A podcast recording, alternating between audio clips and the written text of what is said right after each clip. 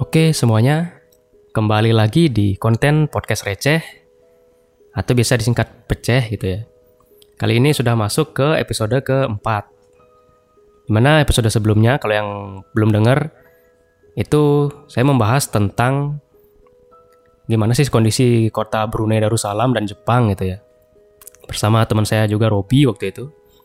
Buat yang belum dengar, mungkin bisa dengar di Spotify atau di platform podcast lainnya gitu. Oke, lanjut di episode keempat ini saya mau bercerita dikit tentang status ya. Status dalam artian ini ada single, berpacaran dan menikah. Nah, di sini berfokus kepada status single ya. Atau bahasa lainnya itu jomblo gitu. Tapi di sini yang saya bahas adalah jomblo yang berpengaruh di era sejarah peradaban Indonesia gitu. Jadi kenapa saya ngangkat topik ini ya sebenarnya berkaca dari era saat ini kan untuk status single ini, status jomblo ini sering jadi bahan olok-olokan ya atau bahan bully. Bully sini dalam artian bully yang konotasinya bercanda antar teman-teman kalian atau antar geng kalian lah itu, antar circle kalian. Ya intinya kalau kalian ada dalam satu circle ketika kalian single dan yang lainnya itu sudah punya pasangan ya otomatis biasanya kalian jadi bahan bulian gitu ya. Nah, di sini sebenarnya tanpa disadari gitu ya. Dahulu kala itu ada ini yang baru saya gali informasinya itu ada dua sosok nih. Pria single pada masanya itu yang ternyata berpengaruh besar ya terhadap peradaban Indonesia gitu yang yang bisa dibilang itu peninggalannya itu kita bisa nikmati sampai sekarang. Oke langsung ya, saya bahas saja. Untuk sosok yang pertama itu ada Bandung Bondowoso ya. Nah, pria single ini, nah kenapa sih dia bisa dibilang berpengaruh? Jadi gini, mungkin yang kalian ketahui kan, cerita dari Bandung Bondowoso itu adalah sesosok pria gitu yang mencintai seorang wanita yang namanya Roro Jonggrang gitu. Nah, dia sayangnya dia mencintai Roro Jonggrang tapi bertepuk sebelah tangan gitu. Jadi ya bisa dibilang ini ya ilustrasinya adalah uh, Bandung Bondowoso ini udah berjuang mati-matian lah ngebucin dengan Roro Jonggrang tapi Roro Jonggrang tetap menolak cinta dari Bandung Bondowoso. Alkisah mungkin karena sudah apa ya, udah males gitu Roro Jonggrang. Sebagai bentuk penolakan halusnya gitu. Akhirnya dia tuh memberikan suatu pernyataan kepada Bandung Bondowoso ya. Kalau kamu bisa bikin seribu candi dalam satu malam, oke, okay, aku mau sama kamu gitu. Dipikirnya Bandung Bondowoso itu bakal nolak gitu, bakal nggak sanggup lah gitu. Nah ternyata disanggupin sama Bandung Bondowoso. Alhasil mulailah Bandung Bondowoso saat itu bekerja ya untuk membangun seribu candi. Ya kalian bisa bayangin lah, cewek zaman dulu tuh minta seribu candi gitu ya. Ya pasti beda lah dengan cewek zaman sekarang ya minta minta nggak ada yang minta seri, bikin seribu candi gitu kan. Ya kita balik lagi ke ceritanya. Jadi Bandung Bondowoso di saat itu juga meminta bantuan kepada para jin gitu. Intinya para sosok atau makhluk yang tak kasat mata itu untuk membangun seribu candi itu dalam satu malam ini ya. Oke, dia membangun ya. Waktu itu kan Kenapa dia pakai bantuan jin? Mungkin karena dulu tenaga kuli itu jarang di sana ya. Jadi biar cepat juga gitu kan. Mungkin nggak sanggup bayar kuli di sana. Jadi ya udahlah pakai bantuan jin aja gitu. Oke, dibangunlah candi itu dalam satu malam. Nah, Roro Jonggrang yang ngelihat progres pembuatan candi itu cepat gitu kan. Nah, itu udah mulai ngerasa panik nih wah ini kalau candinya itu bisa dibikin selesai nih dalam satu malam seribu candi itu, aku jadian dong sama Bandung Bondowoso gitu. Akhirnya dia pun eh, punya cara alternatif ya untuk menggagalkan proyek seribu candi ini, yaitu dengan cara dia minta bantuan ke penduduk setempat gitu. Jadi penduduk setempat itu disuruh ya kayak melakukan aktivitas di pagi hari lah katakan. Jadi ada yang disuruh bikin api gitu kan. Kemudian ada yang disuruh apa ya istilahnya kayak numbek numbek gitulah itu kalau di sini numbek istilahnya gitu.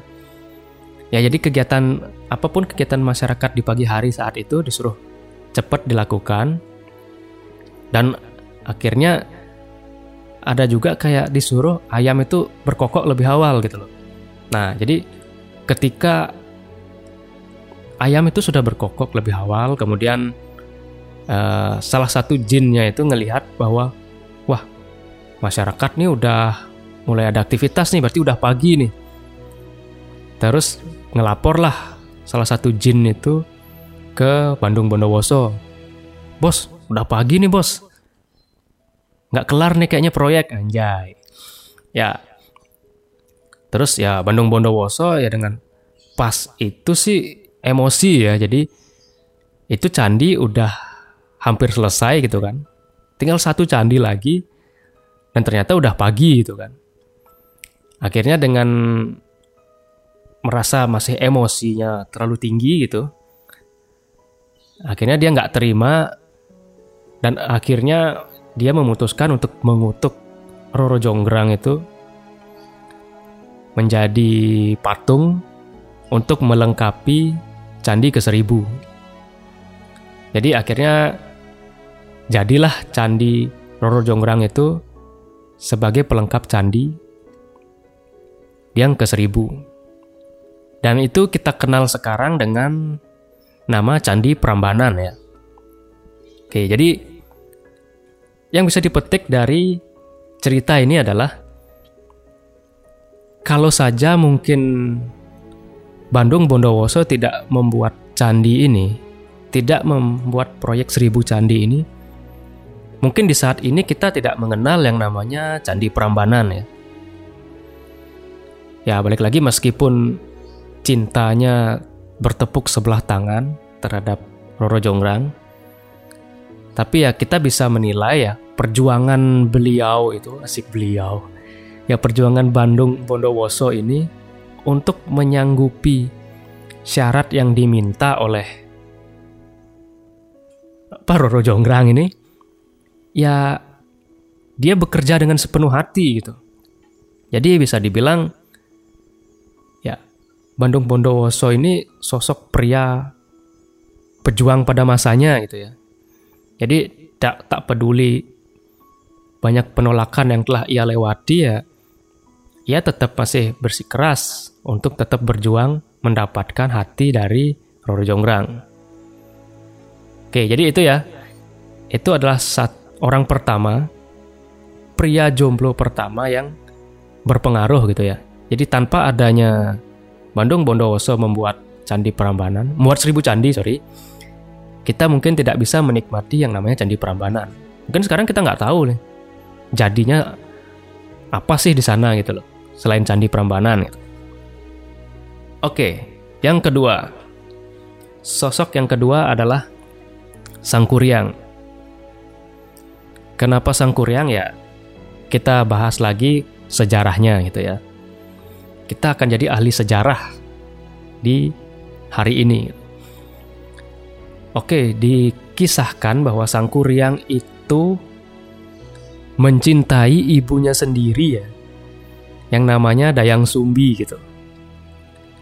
Jadi, nah saya lupa detail ceritanya. Intinya dulu tuh Sang Kuryang itu sempat diusir deh dari sama ibunya sendiri itu ke hutan gitu. Akhirnya nggak tahu gimana ketemu lagi. Nah mungkin karena sang kuryang ini udah lupa ya sosok ibunya karena udah ditinggal lama gitu kan. Dan akhirnya ketika ketemu sosok ibunya, dia malah mencintai ibunya sendiri gitu. Nah, ini kurang lebih sama sih dengan cerita Bapak Bandung Bondowoso itu. Jadi Sang Kuryang ini menyatakan cinta terhadap ibunya sendiri, Dayang Sumbi. Nah, Dayang Sumbi yang saat itu belum mau bilang nih, aku tuh ibumu loh gitu. Dia juga melakukan penolakan secara halus gitu ya kepada Sang Kuryang. Jadi penolakannya adalah dia pingin dibuatkan sebuah perahu ya. Jadi dia bilang ke Sang Kuryang, kalau kamu bisa buatkan aku sebuah perahu yang besar, ya aku akan menerima cintamu. Gitu. Sama nih dalam satu malam juga oleh Dayang Sumbi ya. Sang Kuryang oke-oke aja, jadi menyanggupi permintaan dari Dayang Sumbi itu. Bikinlah dia perahu kan. Sat sat sat sat sampai malam. Tapi ya entah entah gimana. Akhirnya perahu itu gagal dibuat. Yang akhirnya mengakibatkan ya sang kuryang itu emosi ya emosi perahu itu ditendang jadi bentuk perahu itu ketika dia tendang dia kebalik perahunya Akhirnya itu membentuklah sekarang Gunung Tangkuban Perahu gitu. Nah, jadi sebenarnya dari cerita itu ya, uh, secara pribadi kan kita memang tidak dibenarkan ya mencintai ibu sendiri gitu, apalagi ingin menikahi gitu ya. Tapi sebenarnya yang ingin saya petik dari cerita itu adalah kalau saja juga Sang Kuryang tidak membuat perahu, kisah cinta Sang Kuryang dengan Dayang Sumbi ini tidak ada gitu. Tidak ada bikin perahu yang ditendang akhirnya. Mungkin kita tidak akan pernah tahu apa yang namanya Tangkuban Perahu, Gunung Tangkuban Perahu ya. Ya salah satu objek wisata juga di Bandung gitu kan. Ya mungkin kalau sekarang kalian ke Bandung itu nggak ada tuh yang namanya Tangkuban Perahu gitu ya. Ya nggak tahu lah gantinya apa seperti itu. Nah oke sekali lagi, nah itulah jadi yang kedua, sosok jomblo yang kedua adalah Sang Kuryang dengan perahu terbaliknya. Oke, mungkin itu sih yang bisa saya ceritakan kali ini di podcast ini ya. Jadi pesan moralnya sih apa ya nggak ada sih sebenarnya. Jadi ya saya sih cuma berpesan uh, jangan terlalu meremehkan status jomblo atau single gitu ya. Karena kadangkala ketika mereka berusaha dengan niat yang tulus gitu ya. Perjuangan mereka tuh kadang-kadang ya membuahkan suatu hasil yang wah gitu loh. Ya, berkaca dari sejarah ya sosok dari Bandung Bondowoso dan Sang Kuryang ini. Jadi mungkin saya juga berpesan kepada para single di dunia ini gitu yang masih saat ini single dan jomblo gitu ya jangan pernah ragu untuk melangkah gitu. Walaupun kalian single ya tetap percaya diri aja karena suatu saat yakinlah bahwa kalian pasti akan menemukan keindahan yang kalian inginkan seperti itu. Oke, cukup sekian podcast receh kali ini. Semoga ada hikmahnya gitu ya. Sampai ketemu di episode selanjutnya. Cheers.